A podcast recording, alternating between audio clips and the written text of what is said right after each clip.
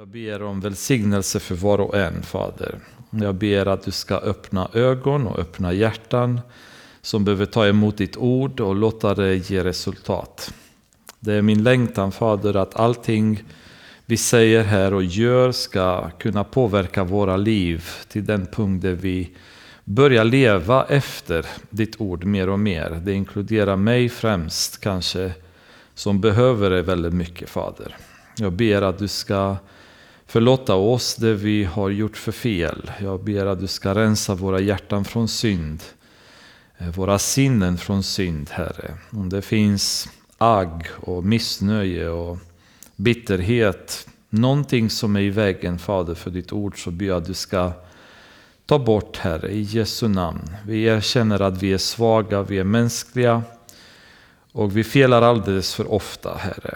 Men jag tackar dig för din nåd och tack för att genom dig, genom allt du gör för oss, så kan vi finna upprättelse. I Jesu namn tackar vi dig Fader och prisar dig. Amen. Amen. Eh, första Moseboken kapitel 12 stannade vi förra gången, i vers 9.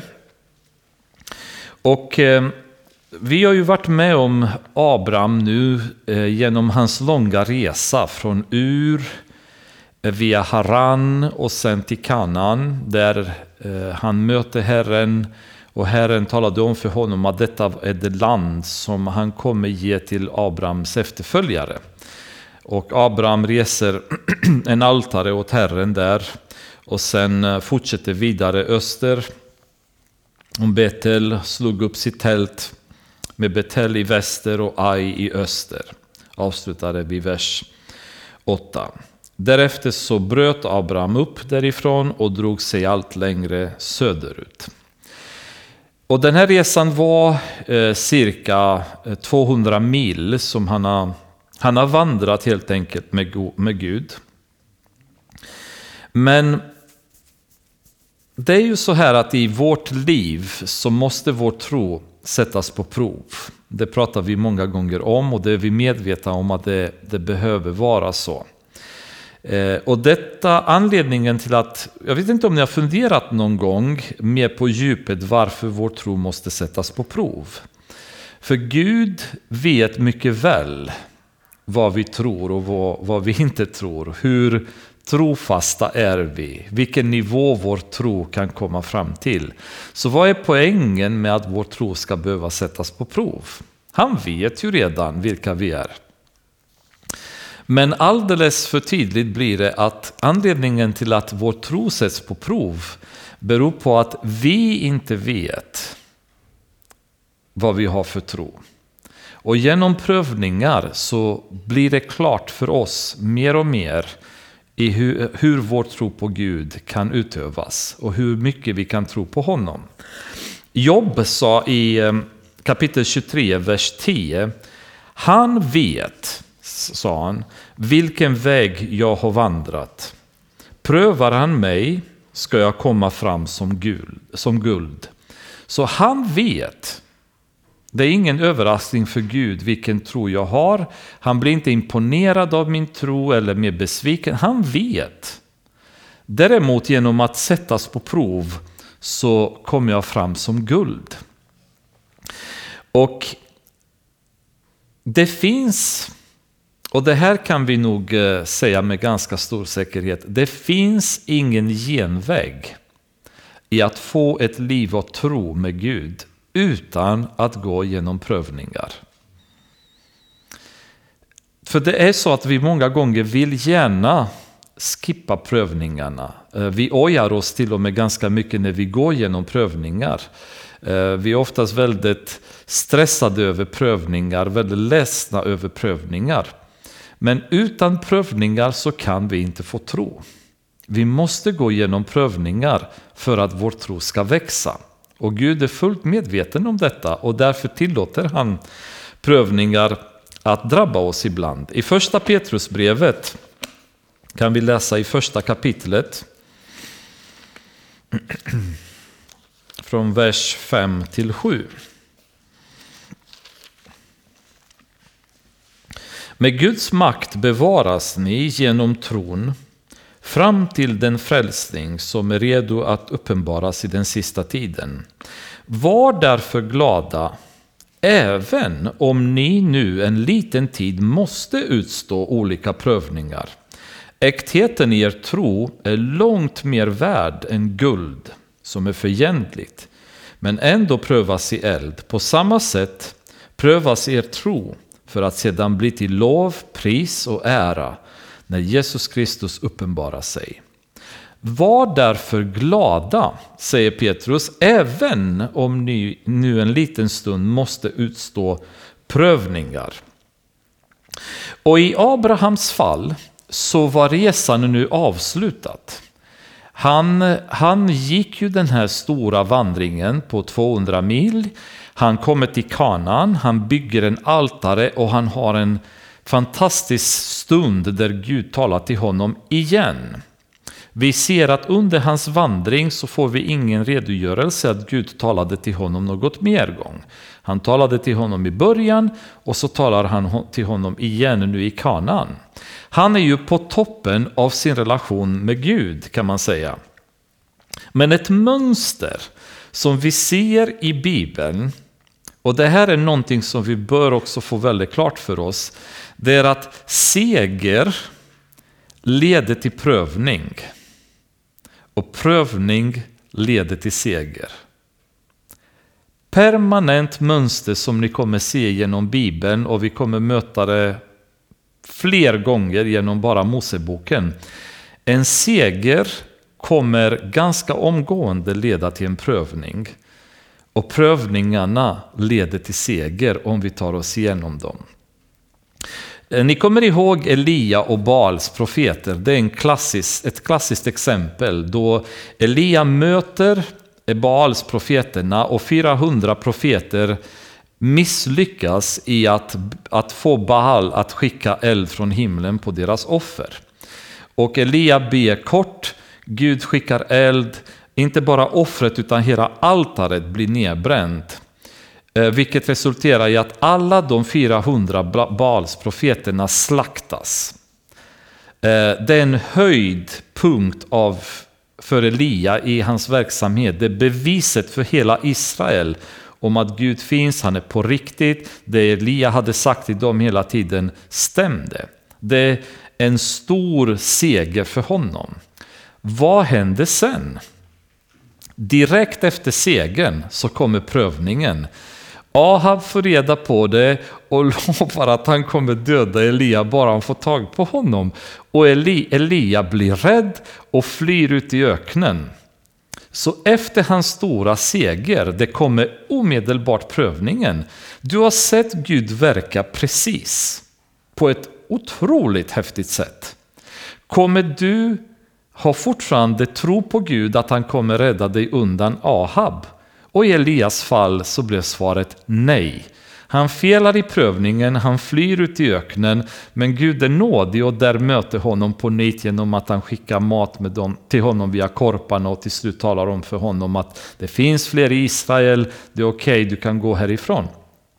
Men det blir ett omedelbart prov efter den stora segern. Om ni tänker er judarna, de kom ut ur Egypten och det var ju fantastiskt mirakulöst sätt att komma ut genom alla de plågor som Gud skickade över egyptierna. Men inte långt efter att de kommer från Egypten så möter de prövningen. Och de hamnar vid havet. Hur ska vi ta oss över havet? Dessutom, vad gör vi nu när vi ser dammet från egyptiska armén närma sig, att de är på väg till oss och vi är klämda mellan havet och armén? omedelbar prövning som kommer.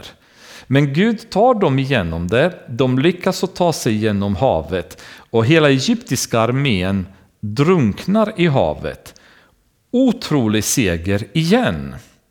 Men inte långt därefter så kommer nästa prövning och läser ni genom hela vandringen i öknen så ser ni hur det kommer en prövning, det kommer en seger, det kommer en prövning, det kommer en seger. Det går så här hela tiden för dem. Det är Guds sätt att arbeta med oss. Och vi kan inte komma ifrån det mönstret heller. Vi upplever, upplever segrar i våra liv, omedelbart så kommer prövningar. Och jag tror att vi som församling, alltså både som när det är våra egna liv och vår relation med Gud, måste vi vara väldigt vaksamma på detta. Men även som församling, varenda gång vi som församling kommer uppleva en seger, att vi har uppnått någonting, då måste vi vara beredda på att vi inom kort kommer möta en prövning på olika sätt. Och hur de prövningarna kommer är ofta så många olika nyanserade sätt. Men prövningar kommer vi möta. Men likaså måste vi vara medvetna att om vi står fast genom de prövningarna och avancerar med Gud så kommer vi vidare till nästa seger. Så det här, det här systemet kommer fortsätta. Och jag tror att många eh, kristna genom åren har fallit på grund av att i segertopparna inte varit rustade för, för prövningen som kom därefter. Och prövningen kom så hårt och, och, bara slog ner dem eftersom de var inte beredda på att jag måste ha eh, heligandens rustning på mig för att kunna strida. Utan plötsligt blev man avtäckt, man var oförberedd, prövningen kom och så havererade man. Och det är väldigt viktigt. Och i Abrahams fall så, så befinner han sig nu i, i början av att gå igenom en prövning.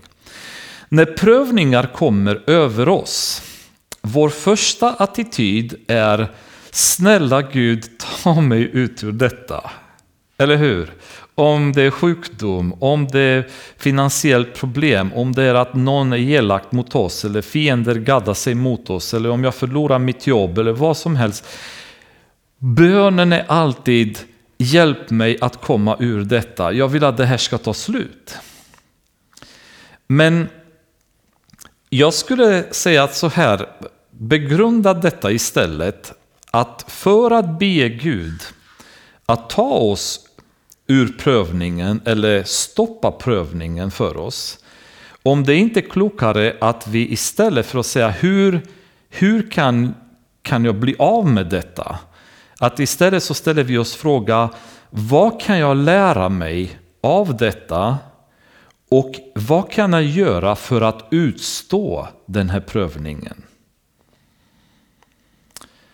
Jag tror att den andra delen är viktigare att vi tänker på. Vad kan vi lära oss av prövningsstunderna? Och hur måste vi uppträda? Hur måste vi leva för att kunna gå igenom den prövningen? Och bli mer renade och få mer tro när prövningen är över. För om vi bara ber hela tiden att prövningarna ska ta slut, hur kommer, vi vår, hur kommer vår tro utvecklas? Prövningarna kräver att vi går igenom dem, men att vi segrar i prövningen.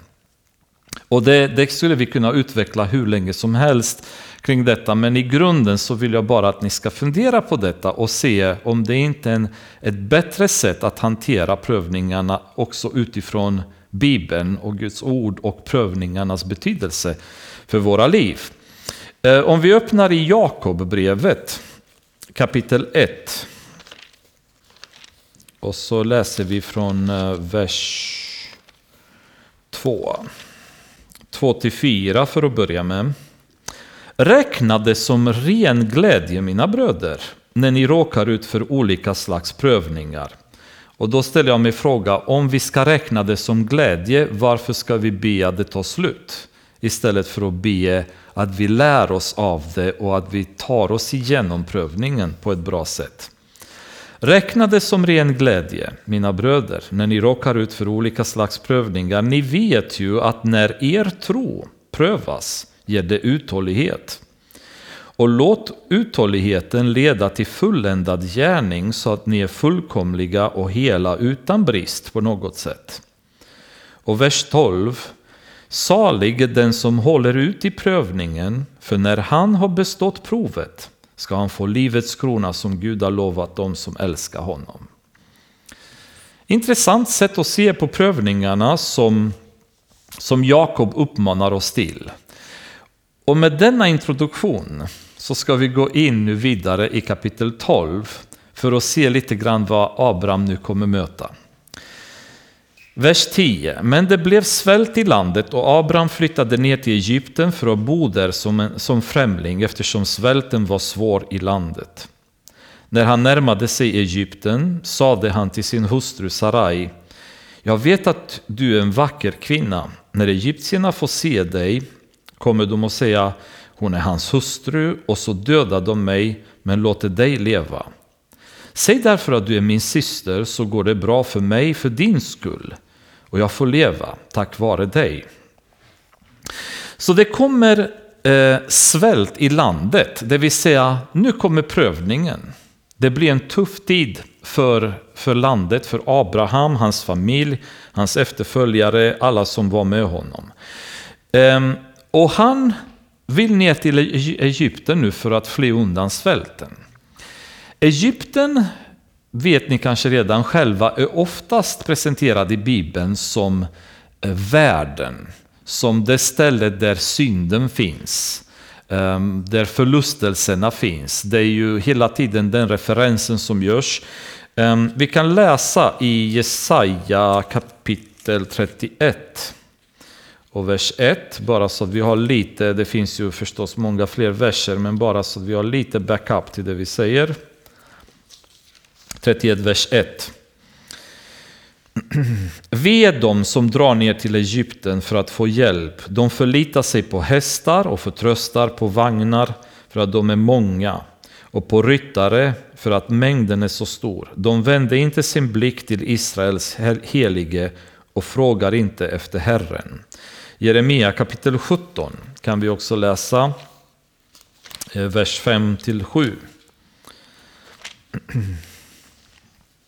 Så säger Herren, förbannad är den som litar till människor och söker sin styrka i det som är kött och vars hjärta vänder sig bort från Herren. Han är som en torr buske på heden och får inte se något gott komma. Han bor på brända platser i öknen på salt jord där ingen bor. Men välsignade den som litar till Herren och har Herren till sin trygghet. Så först är ju referensen till Egypten, sen är det referensen till att förlita sig på människor och söka hjälp hos människor. Och eh, Abraham, han ser Egypten som ett land där han kan lösa sina, sina världsliga problem. Han kan få mat helt enkelt. Men han glömmer bort att Gud har sagt till honom att det är det här landet som jag har förberett för dig. Och i Ur så sa Gud till honom, eh, gå till det land som jag kommer visa dig, det vill säga Kanans land. Han kom dit, men nu blir det tufft. Nu kommer en stor prövning. Och i den här prövningen så tänker man, hade det kanske inte varit mer rätt för Abraham att söka Gud och be Gud om hjälp? För att han ska ta sig ut ur prövningen. Eh, för det är kanske så att, att det är bättre att vara under svält men i Guds vilja än att vara i Egypten men utanför Guds vilja. Och det är någonting också som vi behöver tänka i våra liv.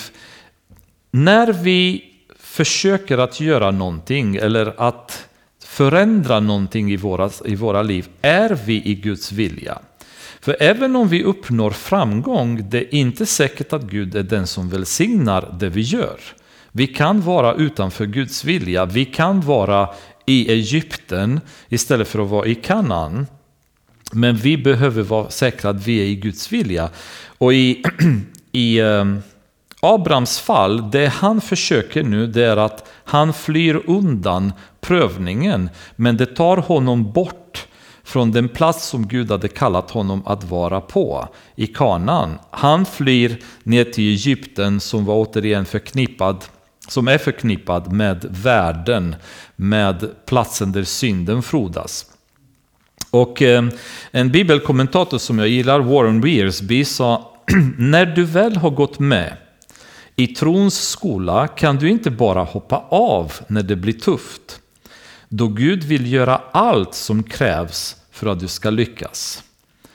Så när vi går in i ett liv av tro med Gud kan vi inte bara hoppa av det där livet och gå tillbaka till att leva på ett annat sätt utan då är Gud med i vårt liv och han kommer göra allt för att vi ska lyckas i det han har kallat oss till.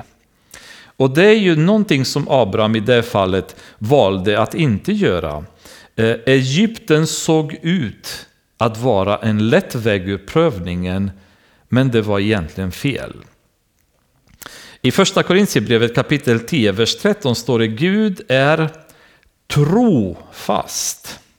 Gud är trofast. Han ska inte tillåta att ni frestas över er förmåga. Samtidigt med frestelsen kommer han också att ge en utväg så att ni kan härda ut. Så att vi kan härda ut.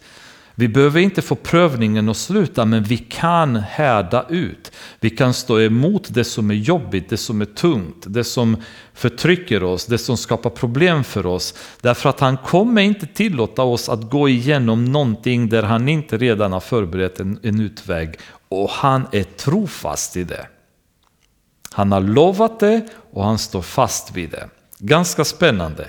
Filippi brevet kapitel 1, vers 6 säger Och jag är övertygad om att han som har börjat ett gott verk i er också ska fullborda det till Kristi Jesu dag.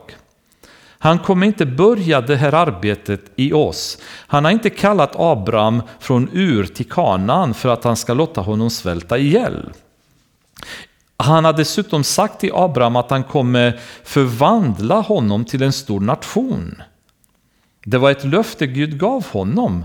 Ehm, så det, det, liksom, det är självklart att Gud har en plan med honom, men i ansikte mot ansikte med en väldigt stor prövning så plötsligt glömmer Abraham vad Gud har lovat honom. Han, han börjar förmodligen blir orolig över sin situation och känner att jag måste jag måste ta tag i detta, jag måste hitta en lösning för det här är för jobbigt. Och när vi lämnar Guds vilja så inträffar alltid förändringar i våra liv. Och det blir väldigt intressant nu att titta på vilka förändringar som inträffar i Abrahams liv den dagen eller det tillfället då han bestämmer sig att lämna Guds vilja, lämna Guds plats och söka sig till Egypten. Det, först, det första som vi, vi får fram det är att han, han lever inte i tro utan han börjar hitta på egna sätt, egna lösningar. Där han säger till Sarai, till hans fru att eh, Hör här, eh, kan inte du säga att du är min syster så slipper vi problem. För att uppenbarligen i den kulturen hade egyptierna velat ha, ha henne, kunde de inte ta henne så länge hon var gift.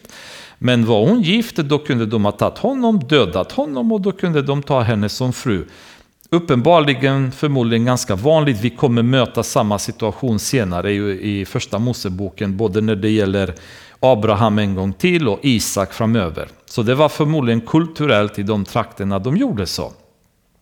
Men istället för att förlita sig på Gud så, så går Abraham istället och försöker att hitta egna tips och tricks och sätt att ta sig ur den här potentiella knipan som nu har han satt sig i därför att han lämnade Guds vilja. Och den ena, det ena felsteget leder honom nu in på nästa problem som visar sig ganska besvärligt. Och nu börjar han eh, hitta lösningar, sökas med egen eh, skicklighet eller hur man vill kalla det, en, ett, ett svar till den här situationen där de befann sig i. Hade han haft Ordspråksboken på den tiden, vilket vi har förmånen att ha, så hade han kanske sluppit det. Men vi har den förmånen att ha och därför behöver inte vi göra som Abraham har gjort. För lyssna vad det står i Ordspråksboken kapitel 3, vers 5 om vi börjar läsa. Förtrösta på Herren av hela ditt hjärta, förlita dig inte på ditt förstånd. Räkna med honom på alla dina vägar så ska han jämna dina stigar. Vad enkelt, eller hur? Bara förlita dig på Herren aldrig på ditt förstånd och så fixar han allt. Han kommer jämna dina vägar, han kommer se till att det funkar för dig. Nu hade inte Abraham Ordspråksboken vid den här tiden och vi vet inte hur djup hans relation med Gud hade hunnit bli vid den här tiden. Men vi definitivt känner igen oss i hans beteende vid tillfällen då vi har lämnat Guds vilja och börjar göra saker på egen hand. Vad fel det blir. Och varför gör vi det när det står att vi aldrig ska förlita oss på vårt förstånd? Utan vi måste bara lita på Gud. För han kan jämna våra vägar. Han har koll på allt, han vet vad som är bäst för oss och, och det blir mycket enklare. Och återigen, om vi gör det med våra liv, det är en sak. Men så många församlingar har havererat därför att medlemmarna har bestämt sig att ta beslut efter sitt eget förstånd. Efter sin egen intelligens, efter sin egen kunskap. Och så bara blivit så fel. Därför att vårt förstånd räcker inte. Vi måste leva i Guds vilja och följa hans vilja om vi ska uppleva framgång, om våra vägar ska jämnas framför oss och det ska funka för oss i det sätt vi lever. Och det är ju, det är ju en stor orsak till våra misslyckanden skulle jag vilja påstå. Att vi tar saker i egna händer och att vi inte förstår att det enda sättet är att vi håller oss i Guds vilja. Eh, och det kan kännas jobbigt för att då betyder det att vi går igenom prövningar. Men det resulterar i att vår tro växer och Gud är den som hela tiden går före oss. Ni kommer ihåg att när israeliterna kom i kanan, vad sa Gud till dem innan de kom in i landet? Han sa, jag kommer gå före er och driva ut befolkningen framför er. Och han till och med berättar hur han ska gå tillväga. Just för att det enda ni behöver göra när ni kommer in, det är bara, bara inta landet, inta städerna, in, inta alla odlingar, inta allt. Jag kommer driva ut dem före er. Jag kommer gå före er och på samma sätt så gör han även med oss. Han går före oss hela tiden. Vi ser inte honom, men vi har tron och med tros ögon så bör vi förstå att han går före oss. Han jämnar våra vägar. Han ser till att vi har det bra. Och därför det enda Gud kräver av oss, det är bara lita på mig. Lita inte på ditt förstånd, utan lita på mig. Och det är hela hans ord är full av Gud som ropar till människan, lita på mig. För det jag skriver här, det jag lagt ner här är sant. Och Gud är trofast. Han kommer inte gå tillbaka när det gäller sitt ord. Och hans lösning, Abrahams metod att lösa problemet det är att komma med halvsanningar där han får Sarai att berätta att hon är hans syster och det är en halvsanning för i kapitel 20 så säger han att, han, han är, att hon är hans fars dotter men inte hans mors. Så hon är egentligen halvsyster.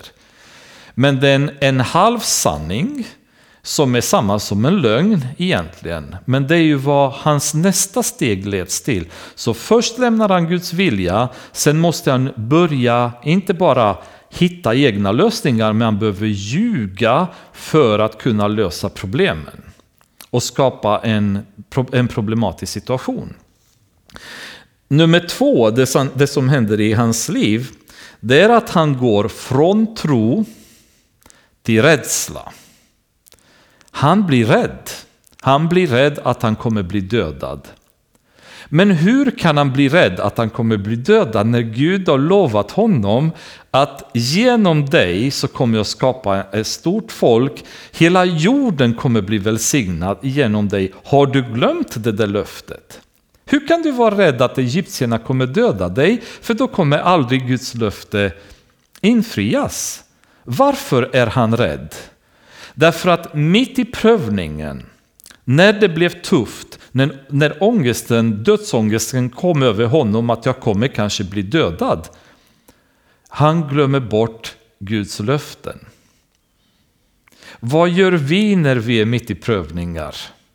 Vi tenderar oftast att glömma bort Guds löften, eller hur? Och därför blir vi så förstörda, vi är knäckta, vi är bedrövade när vi hela tiden har bakom oss Guds löften. Och om vi börjar påminna oss de här löftena, då kanske kan vi förstå att vi kan ta oss igenom prövningarna. För när vi går och säger att vi inte har några pengar, vi har det jobbigt ekonomiskt och så vidare, då bör vi komma ihåg att Gud har lovat att på samma sätt som man tar hand om, om liljorna där ute så kommer han desto mer ta hand om oss. Att en, han är en kärleksfull far som aldrig kommer, kommer ge liksom en sten om någon ber om en fisk. Det gör han inte. Men vi glömmer bort det när prövningen blir tuff, när ångesten eh, byggs upp i oss så glömmer vi bort att vi behöver lita på honom. Och det som, som gör Abraham nu rädd, det är att han, han tror att han kommer bli dödad, men han, han förstår inte att han har ett löfte bakom sig.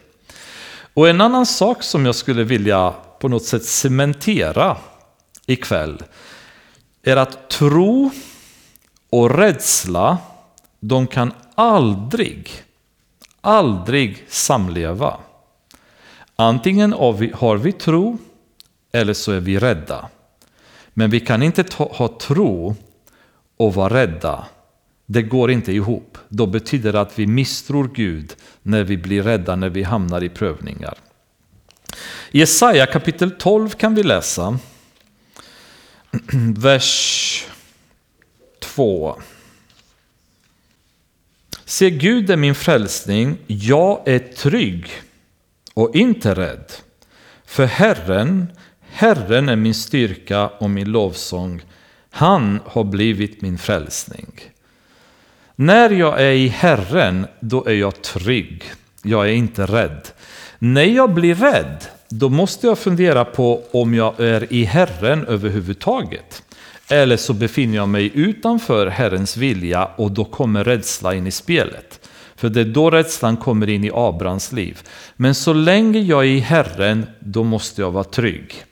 Så håll ett öga på detta och se när när ni upplever osäkerhet, när ni upplever rädsla i relationen med Gud, tänk på var ni är någonstans. Är vi i hans famn? Är vi i hans vilja? Eller har vi börjat glida ifrån och då kommer rädslan, då blir, osäkra, då blir vi osäkra i det vi gör. För det kan vara ett kännetecken för oss att identifiera det faktum att nu är vi på väg ifrån Gud. Nu börjar vi känna oss rädda. Medan när vi är i honom då känner vi den här tryggheten och säkerheten. Ordspråksboken kapitel 29 ska vi också titta på. Vers 25. Människofruktan blir en snara, men den som förtröstar på Herren blir beskyddad. Så det som driver Abraham till rädslan, det är människofruktan. Han är ju rädd för vad de kommer göra med honom. Men tänk på vilka stora problem människofruktan skapar i våra liv och också i våra församlingars liv. Jag tänker bara på alla viloläror som sprids inom kristenhet idag som görs till stor del också på grund av människofruktan. Vad kommer samhället säga om oss om vi hävdar att vi verkligen tror på den här boken, varje ord som är skrivet där. Vi kanske behöver tolka om Bibeln så att inte människorna tycker illa om oss eller förföljer oss eller hatar oss för den delen. Vi kan definiera exakt vilka känslor det handlar om. Och församling efter församling blir numera väldigt preockuperad med att förändra vårt sätt att tro, förändra oss själva i vår relation med Gud och anpassa oss till denna världens Gud för att människorna ska tycka om oss. För att vi inte ska bli bespottade, för att vi inte ska bli betraktade som extremister eller fanatiker eller vad som helst. Och vi är beredda att kompromissa i vår relation med Gud av människofruktan. Och det är ju en epidemi av det här beteendet i församlingar idag. Eh, och det är en tragedi som har drabbat kyrkan. Inte bara idag, även genom seklen har funnits liknande situationer. Men även i vår egna, vårt egna liv. Ni kommer ihåg ett praktexempel för oss, Petrus. som två gånger i Bibeln ser vi hur han, han eh, så att säga, misslyckades på grund av människofruktan. En gång, eller tre gånger, när han förnekade Jesus på grund av att han var rädd. Men även efter det, ni kommer ihåg när Paulus skrev till Galatierna om att när Petrus kom upp till Antiochia, då, då åt han med hedningarna och det var inga problem. Men när utsända från Jakob kom upp till Antiochia från Jerusalem, då plötsligt gick Petrus ifrån hedningarna och satte med bara judarna åt. Och Paulus fick konfrontera Petrus i detta och att det var ett hyckligt beteende. Så Petrus två gånger visas tydligt hur människofruktan fick honom att agera så fel. Och det händer också i våra liv.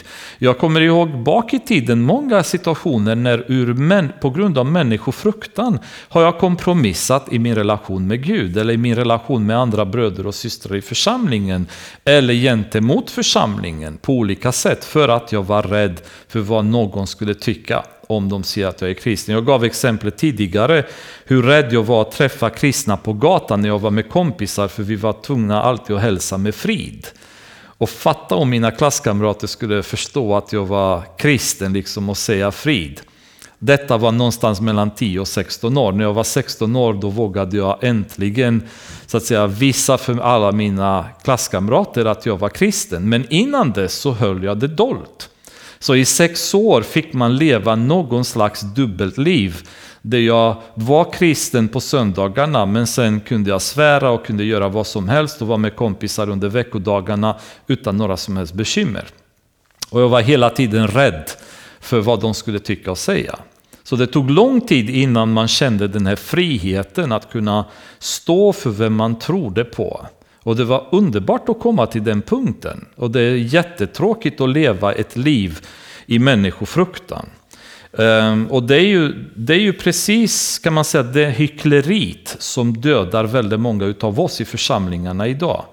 Väldigt, väldigt mycket hyckleri som finns i församlingar idag. Där folk lever på ett sätt i kyrkan och sen lever vi på ett annat sätt utanför kyrkan av människofruktan. Vi försöker att vara dem till lax. Vi försöker att vara populära bland dem också. Och vi vågar inte stå fast vid det vi tror på och vet att vi inte ska kompromissa kring.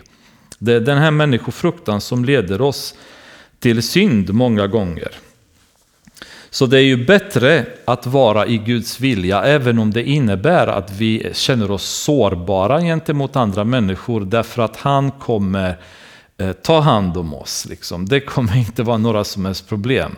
Men han blir rädd nu. Han glömmer löftena i rädslan också. Han kommer inte ihåg vad Gud hade sagt till honom eller inte brydde sig om det. Jag vet inte vilket. Men uppenbarligen så hamnar han där. Som tredje exempel det är att han inte har omsorg om andra. Utan hans fokus är sig själv. Han blir orolig och upptagen med sig själv och tänker inte på Sarai som är hans fru. Alltså, kan ni förstå vilket erbjudande han ger henne? Säg att du är syster, det vill säga eh, om de tar dig som fru, det är helt okej. Okay. Att du hamnar i någon annans mans hus och blir hans fru, eh, det är okej, okay, men jag, jag kommer fortsätta att leva. Och dessutom så säger han till henne, Säg därför att du är min syster så går det bra för mig för din skull. Och det kan jag förstå att han tänker. Men sen säger han också, och jag får leva tack vare dig. Och det, det är lite grann som att det är väldigt mycket fokus kring honom själv. Och om vi tänker lite grann på detta Eh, ni kommer ihåg, om vi går till Efesierbrevet kapitel 5, det är lika bra vi läser det så har vi som underlag. Efesierbrevet 5. Och då är det vers 25. Det står så här, ni män, älska era hustrur så som Kristus har älskat församlingen och offrat sig för den. Um, hela kapitel 5, relationen mellan man och kvinna, det är en sån här kapitel som väldigt många i dagens kristendom skulle vilja klippa bort ur Bibeln helt och hållet. För det skapar väldiga problem för feministrörelsen som dessutom har börjat penetrera församlingarna. Det pratas om att mannen är, är kvinnans huvud och så vidare och det gillar ingen att höra numera. Det man då fullständigt missar, det är att den position av huvud som mannen har fått utav Gud är inte särskilt eh, glamorös, skulle jag nog vilja påstå, utan tvärtom. Den positionen lägger ett väldigt tungt ansvar på mannen som familjens huvud. Ett ansvar att värna om sin fru så mycket så att man är beredd att offra sig för henne så som Kristus har gjort med församlingen. Är Abraham beredd att göra det? Är han beredd att offra sig för sin fru eller är han beredd att offra sin fru för sig själv? Det är så många familjer idag som är fullständigt havererade inom kristna familjer, det vill säga inom församlingar idag. På grund av att männen inte har tagit sin roll i äktenskapet på allvar och i familjen. Väldigt, väldigt tragiskt det som har hänt i väldigt många kristna familjer där männen har inte levt upp till det ansvar som Gud har kallat dem till. Och det är ett tungt ansvar, det är inte lätt att uppnå, men det är det kravet som Gud ställer på mannen, att vara beredd att offra sig. Och det är inte lätt. Vi är oftast eh, inte beredda att göra mycket mindre saker för våra fruar, desto mer offra livet för dem. Men det är den kravet, det är den nivån av kärlek och eh, hängivelse som Gud kräver att mannen ska ha för sin fru. Så det, det är ett högt krav, det är ett tungt ansvar. Men det är väldigt många eh, familjer som helt enkelt kristna familjer som likt Sarai har hamnat i fara på grund av att mannen inte har gjort sitt jobb. Mannen har inte intagit sin roll på allvar.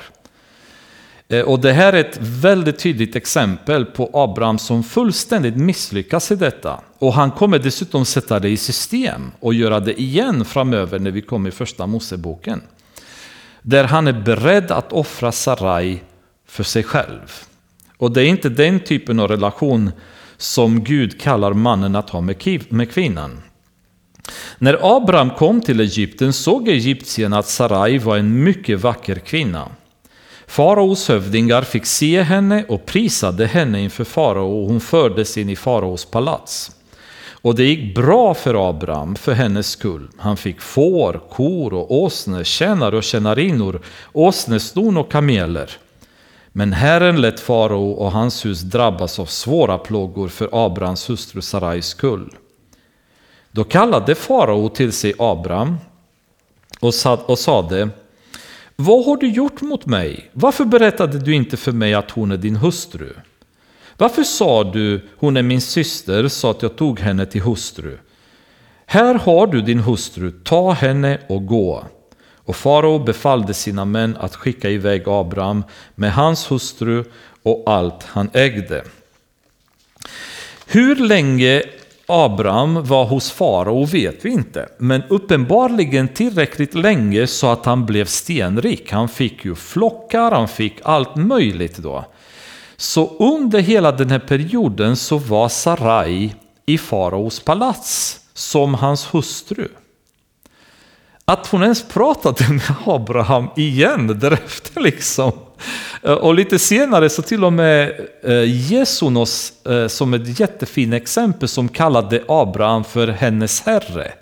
Att hon ändå kunde ha respekt för honom mirakulöst liksom efter vad han har gjort med henne då. Lämnat henne ifrån sig och var faraos hustru förmodligen under en viss tid. Det är spännande också att hon var så vacker kvinna, för vid det här laget så var hon någonstans mellan 65 och 70 år gammal.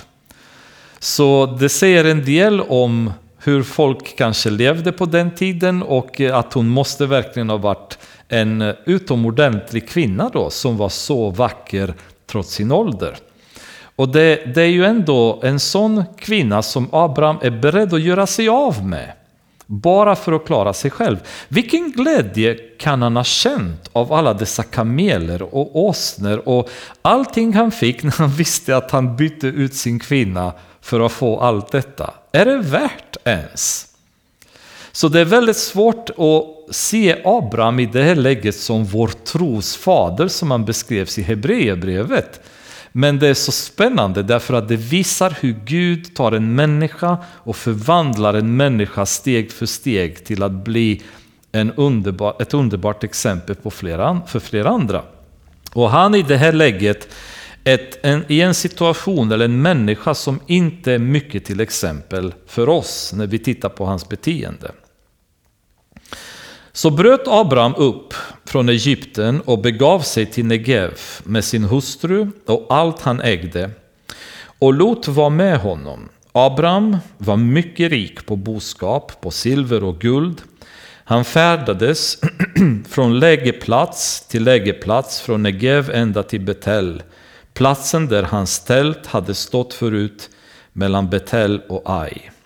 Och där han förra gången hade rest ett altare, där åkallade Abraham Herrens namn. När ehm, När Abraham lämnade det området tidigare, han lämnade altaret, han lämnade platsen där han mötte Gud. Och han gick därifrån i världen, om man säger så. När vi avviker från Guds vilja, det enda vi kan göra det är att gå tillbaka till den plats eller till den punkt där vi en gång i tiden har lämnat honom. Det finns inget annat sätt. Vi måste tillbaka dit.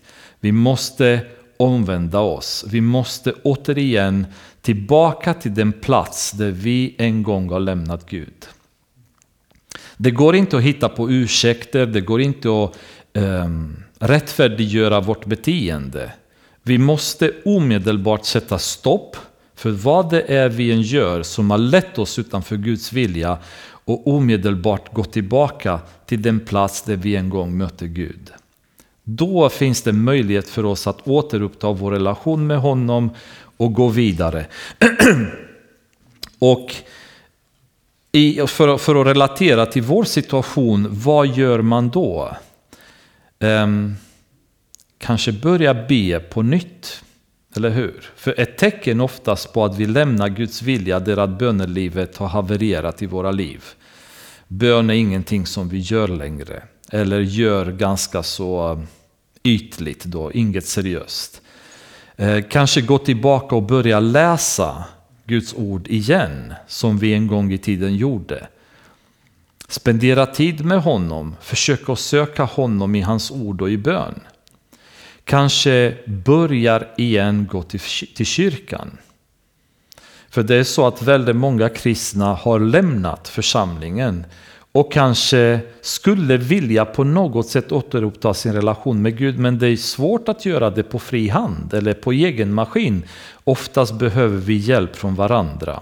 Även om vi inte är perfekta, även om inte vi är superheliga, men kollektivet av kristna människor som tillsammans söker Gud är en stor styrka för någon som behöver hitta tillbaka till Gud.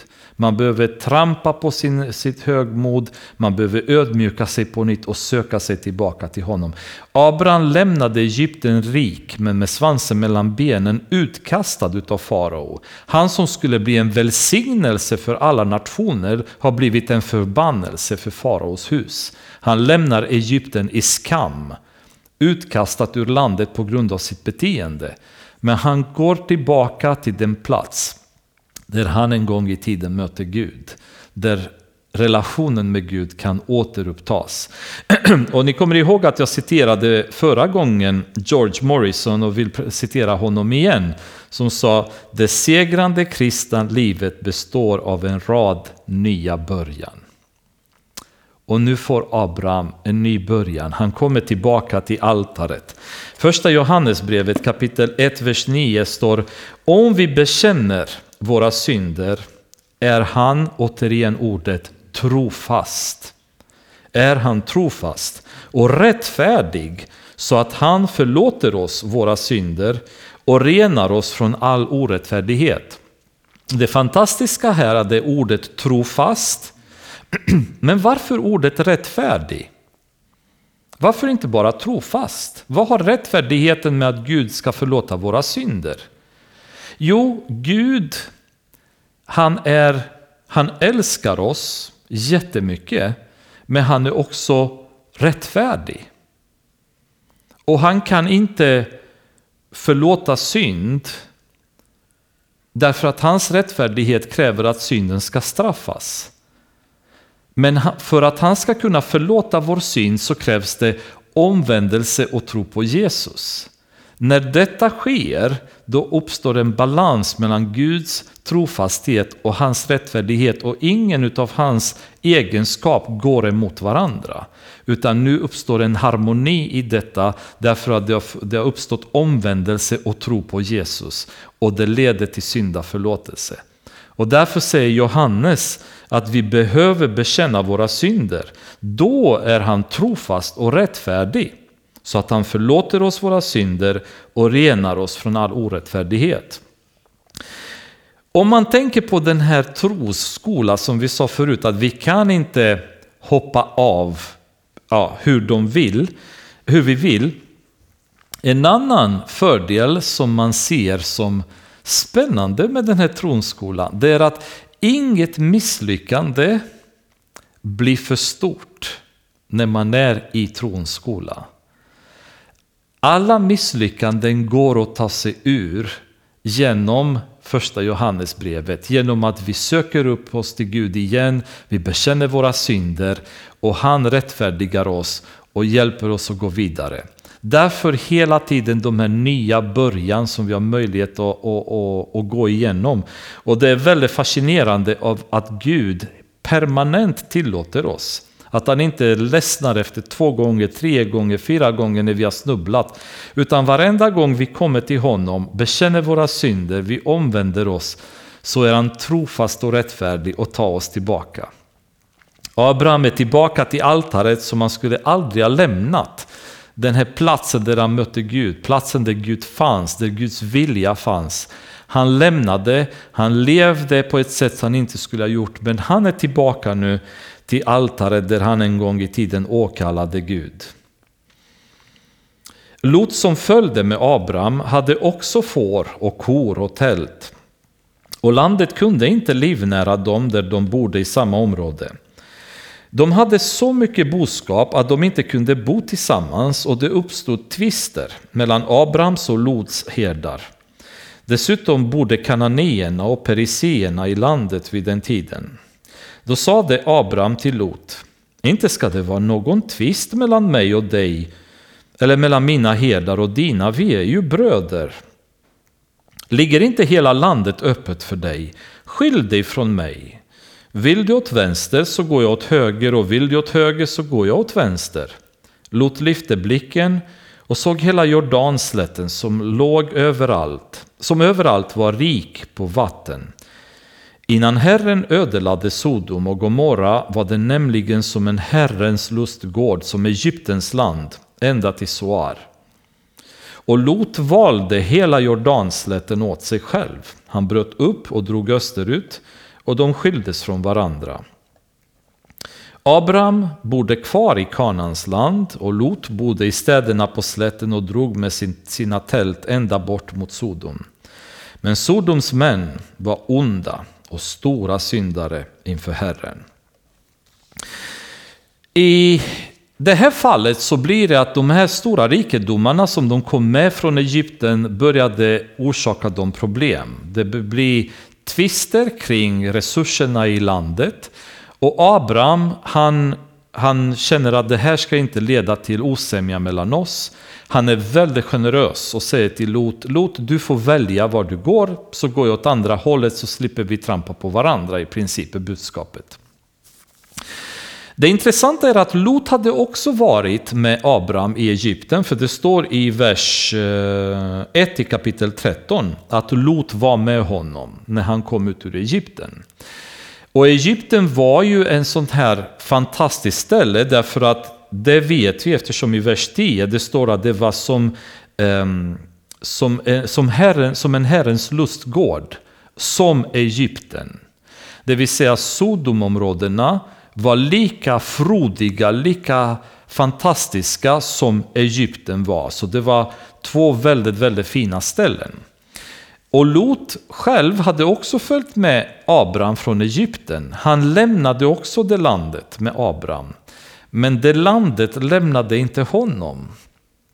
Det landet fanns ju kvar.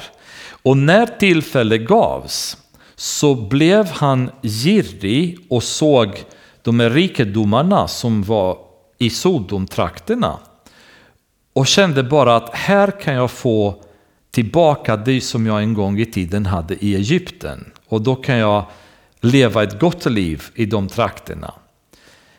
Men till saken hörde att Sodoms män var onda och stora syndare inför Herren. Och hur stora de var vet vi senare när vi kommer till Sodom och Gomorra och eh, förstörelsen av de här ställena. Men uppenbarligen så var det känt, Lot visste detta. Men brydde sig inte om det utan han såg resurserna. Det är frodigt, det är bra land, det är bra jord. Där kan vi ha ett gott liv. Och problemet som är när vi går utanför Guds vilja och går till världen så börjar vi smaka på saker från världen i olika former. Saker som egentligen vi skulle inte ha varit i kontakt med längre, saker som kanske vi har lämnat när vi har blivit frälsta. Och så plötsligt så har vi nu gått tillbaka och börjat smaka på olika grejer från världen. När vi sen återigen gör ett försök att komma tillbaka till Gud kan det vara ibland besvärligt därför att de smakerna kommer förfölja oss. De finns kvar i våra minnen. Olika grejer som världen gjorde för oss som behagade oss, som gav oss en viss tillfredsställelse. Och det blir besvärligare för oss att klippa bandet igen därför att de dröjer sig kvar, de smakerna. Om vi tittar på relationer, varför är det så viktigt att vi lever i, en kristen, Eh, i ett kristet liv där vi håller oss trogna till varandra? Vi hoppar inte från en kvinna till en annan eller från en man till en annan. Och är man ung och, och på väg att hitta någon så ska man vara noga med att inte ha hur många pojkvänner som helst eller flickvänner utan bara vara ihop med den som man får tillåtelse av Gud att vara ihop med. Därför att ju mer man kommer göra det, desto mer kommer man minnas sen att ah, men den tjejen var mycket trevligare än, än den. Och Eh, sitter man i en relation med en fru eller med en man men man har minnen från 15 andra tjejer som man har varit ihop med innan eller 20 andra män som man har haft relation med och man finner en otillfredsställelse i den relation man har för plötsligt den jag är ihop med kanske inte uppfyller mina krav eller mina luster eller mina drömmar på samma sätt som den killen gjorde för tio år sedan eller den tjejen gjorde för fem år sedan. Ju mer vi, vi smakar på världen, desto mer kommer den smaken förfölja oss. Och även om vi försöker att fly det, vi lämnar världen, så är det ibland så att världen blir kvar i våra hjärtan och kan orsaka problem framöver om vi inte är noga med att kapa de här banden ordentligt. Och det är bara ett tillfälle, men vi kan prata om flera andra situationer när världen kan bli problematisk. Men det är ju precis det läget då Lot hamnar i, där Egypten dröjer sig kvar i hans hjärta. Han tittar och ser att det här området kring, runt Sodom, det var som Herrens lustgård som Egypten. Då blir man lockad tillbaka dit. Man vill ju dit. Trots att det bodde människor där som var onda och stora syndare. Och vad detta leder till kommer vi se eh, lite senare när vi kommer i första Mosebokens fortsättning. Herren sade till Abraham, efter att Lot hade skilt sig från honom, lyft din blick och se dig omkring från den plats där du står, mot norr och söder, öster och väster, hela det land som du ser ska jag ge åt dig och dina efterkommande för evig tid. Och jag ska låta dem bli som stoftet på jorden. Om någon kan räkna stoftet på jorden ska också dina efterkommande kunna räknas. Bryt upp och vandra omkring i landet i hela dess längd och bredd, för jag ska ge det åt dig. Abraham flyttade då sina tält och kom till Mamres terebint Lund vid Hebron. Där bosatte han sig och byggde ett altare åt Herren. Intressant skulle jag vilja bara stanna kort vid vers 15. Hela det land som du ser, och han tittade åt alla håll och Gud ser så långt dina ögon kan se. Nu var Abraham i de bergstrakterna då så att säga och därifrån så kunde han se väldigt, väldigt, väldigt långt då. Och allt det här området, söderut, norrut, österut, västerut, allt det här kommer jag ge dig och dina efterkommande för all evighet. Och vad innebär för all evighet? Jo, enligt dagens politiker innebär all evighet till eh, möjligtvis 1948 när FN beslutade att Israel skulle bara få en liten del av det land som Gud hade lovat, lovat Abraham. Ehm, eller betyder det möjligtvis 1965? Ehm, för att, eller eh, perioden mellan 48 och 65, för 1965 då intog Israel, israelerna östra Jerusalem, Golanhöjderna, Gaza och så vidare. Ehm, men nu säger världen att nej, nej, de här territorierna får ni inte ha, eh, de tillhör palestinierna. Men Gud sa att det här är era för all evighet. Inte till 1948, inte till 1965. Inte heller till Osloavtalet när Yasser Arafat och, och Itzhak Rabin hade kommit överens om att Israel skulle delas och bli ett land åt palestinierna och ett land åt israelerna. Och territorierna som palestinierna skulle få är territorier som Gud hade givit Israel för all evighet. Och det är så tragiskt när kristna dessutom inte begriper bättre. Jag förstår om okristna människor som inte tror på Gud kommer med sina fantasier. Men att det finns så många i kristna församlingar som fördömer Israel, som försöker med näbbar och klor att behålla det lilla området, för det ska vara mycket större än det är. Men det lilla området som de ändå har, att de försöker att behålla det. Och folk anser dem inom kristenhet idag att de är eh, terrorister, att de förtrycker palestinier eller vad som helst. Har de en annan bibel än vi har? Förstår de inte vad Gud har sagt till Abraham? Det är till dig och dina efterföljare så kommer jag ge det här, land i all, det här landet i all evighet. Vilket betyder i all evighet. Inte till 65, inte till 48, inte till Osloavtalet, inte till 53, inte till 82, inte till, 80, till 2006, inte någon annan gång. Till all evighet. Och därför tror jag det är väldigt viktigt för kristna att begripa detta, att vi måste stödja Israel i att få tillbaka sitt land. För Gud vill att de ska ha det här landet, det är deras, och Gud har en plan med det. Och det, det finns ingen som helst reson att kristna inte begriper bättre i detta. Men det är bibelokunskap eller ingen som har undervisat dem, ingenting de har läst eller eh, vad de läser det vet jag inte. Men det, det är så tydligt och så klart så det finns liksom ingenting som bör vara oklart.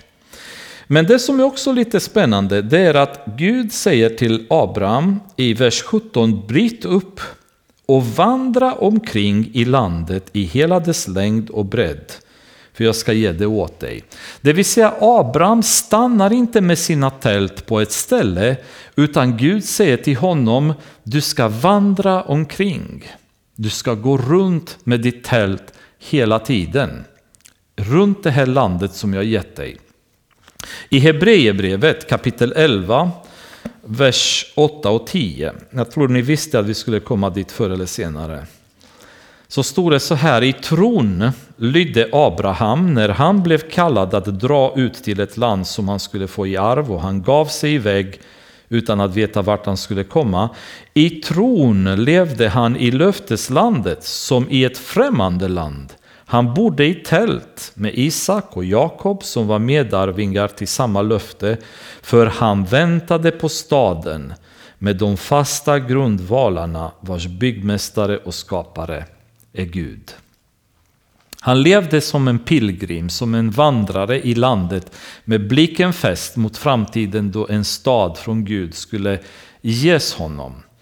Och den staden beskrivs så eh, fantastiskt i Uppenbarelseboken kapitel 21, vers 9-27. Vi kommer inte läsa det för vi hinner inte, men läs gärna det. Liksom uppfyllelsen av det som Abraham har längtat efter och trott på hela tiden den nya Jerusalem, den nya staden som Gud har förberett för sina. Men det är också så att tältet var en boning, representeras som en boning, en bostad. Så Gud säger till Abraham, du ska bara ha en tillfällig bostad. Det här ska inte vara permanent. Och vi ska bara ha ett, en tillfällig bostad. Vi ska inte vara permanenta bosättare av den här jorden. I Uppenbarelseboken, om vi läser, så beskrivs det hela tiden två kategorier människor. Den ena är de heliga, eller de frälsta. Och den andra är en väldigt intressant kategori, och läs gärna det. Elva gånger poppar det upp i Uppenbarelseboken de som beskrivs som jordens invånare. Och de beskrivs alltid i negativa termer. Inte positivt, utan bara i negativa sammanhang. Elva gånger i Uppenbarelseboken jordens invånare. En annan kategori från de heliga och från de frälsta som, eh, som följer Gud. Och dessa jordens invånare, det är inte bara att de lever fysiskt på jorden, utan de har sina rötter i världen. Deras prioriteringar har med världen att göra. Deras eh, hjärta är i världen. Deras syfte med livet, deras mål med livet har med världen att göra. Och dessa invånare är de som Gud permanent kommer straffa då i Uppenbarelseboken. Och då är det frågan, om vi bara är pilgrimer, om vi bara är vandrare, var sitter våra prioriteringar idag? Om vi verkligen rannsakar oss själva på ett ärligt sätt, hur mycket av vårt hjärta är kopplat till Gud? Hur mycket av våra prioriteringar är, um, har med, med Gud att göra? Vad är vårt mål i livet? Har vi, är vårt mål att hela tiden få bättre karriär, tjäna mer pengar, um, åstadkomma mer här på jorden och så vidare? Eller är vårt mål det som Abrahams mål var? Vi är vandrare, vi är pilgrimer, vi ska känna Gud. Och det är väldigt viktigt att vi ställer oss de här frågorna inför beslut vi behöver ta i våra liv när vi söker till exempel pratar mycket med Elise, hon tänker på utbildning framöver, annan tänker på, på jobb framöver och så vidare. I alla de här besluten måste vi tänka, Gud vad är din vilja? för att vi ska vara i hans vilja i det vi gör. För våra prioriteringar är inte det som är för oss, som har med världen att göra. Eh, vi ska inte leva för världen, vi ska vara döda mot världen och levande för Gud. Och våra prioriteringar ska ha med Gud att göra. Vårt hjärta ska vara kopplat, kopplat till Gud. Och vi behöver i församlingarna ransaka oss själva för att se om vi lever på det sättet som Gud har kallat Abraham att leva. Men i slutändan, till skillnad från Lot som gick och satte sina tält eh, utanför Sodom, i, städerna intill Sodom. Sen vidare kommer vi hitta honom att han, han flyttar därifrån in till Sodom. Så det blir liksom mer och mer glid mot där ondskan var som störst. Till skillnad från honom så beordrar Gud Abraham att inte sätta upp sina tält och stanna kvar på ett ställe utan du måste röra på dig. Du måste vara en vandrare för du måste representera den vandring som Guds barn en gång i tiden kommer behöva ha. Och det är vi, församlingen idag, där vi bara är vandrare, vi är gäster på denna jord och vårt hem finns någon annanstans. Och Abraham flyttade då sina tält, kom till Mamres terebint Lund vid Hebron. Där bosatte han sig och byggde ett altare åt Herren. Han hade för vana nu att bygga altare åt Herren. Det här är tredje gången som Abraham bygger upp en, ett altare åt Herre. Vi kommer se en fjärde gång lite senare in i första Moseboken när vi läser. Men en skön avslutning och en skön ny början för en människa som började väldigt, väldigt fel efter att han anlände till Kanaan. Men Gud har nåd med honom. Eh, Gud ingrep i Egypten och eh, på sitt sätt, ganska så häftigt och ovanligt sätt, fick farao att eh, komma på andra tankar, för han hade inget val i princip. Gud accepterade Abraham på nytt för att det förbund som Gud har gjort med Abraham är permanent. Gud säger jag ska, jag ska. Ingenstans ställer Gud någon som helst krav på Abraham. Du måste för att jag ska. När vi läser förbundet som man, skri, som man gör med Mose och israeliterna i öknen, där är ett förbund där Gud säger om ni gör så här, då ska jag göra så här. Om ni gör så här, då ska jag göra så här. Med Abraham däremot säger Gud bara jag ska. Det är bara genom nåd. Och det enda Abraham det behövde göra det var tro. Det är det häftiga med Abraham och oss som kristna. Det är genom tro, genom Guds nåd. Vi kan inte göra någonting. Gud är den som gör allting själv. Fader, vi tackar dig för de här tankarna om människor som är exempel för oss ur ditt ord. Låt oss få bara ta till oss detta. Eh, låt de här orden bara verka i våra hjärtan, Fader, för vi behöver desperat, Herre, att se en förbättring i våra liv, i församlingarna idag. Fader, jag ber över en renhet och en helighet i kyrkan. Där vi ska återigen längta tillbaka till din vilja, Herre. Bort från allt som vi har hållit oss upptagna med under så lång period, för lång period, Herre. För lång period som vi ägnat åt världen. Hjälp oss att komma tillbaka till dig. Att kunna med ödmjukhet komma och tillbaka till den plats där vi en gång har lämnat dig, Herre. Jag ber i Jesu namn, Fader, att du ser nådigt på oss som du har gjort på Abraham och många andra. Och bara tar oss tillbaka, ger oss styrka så att vi kan fortsätta vidare och tjäna dig, Herre. Tills vi kommer hem till den staden som vi längtar till. I Jesu namn. Amen.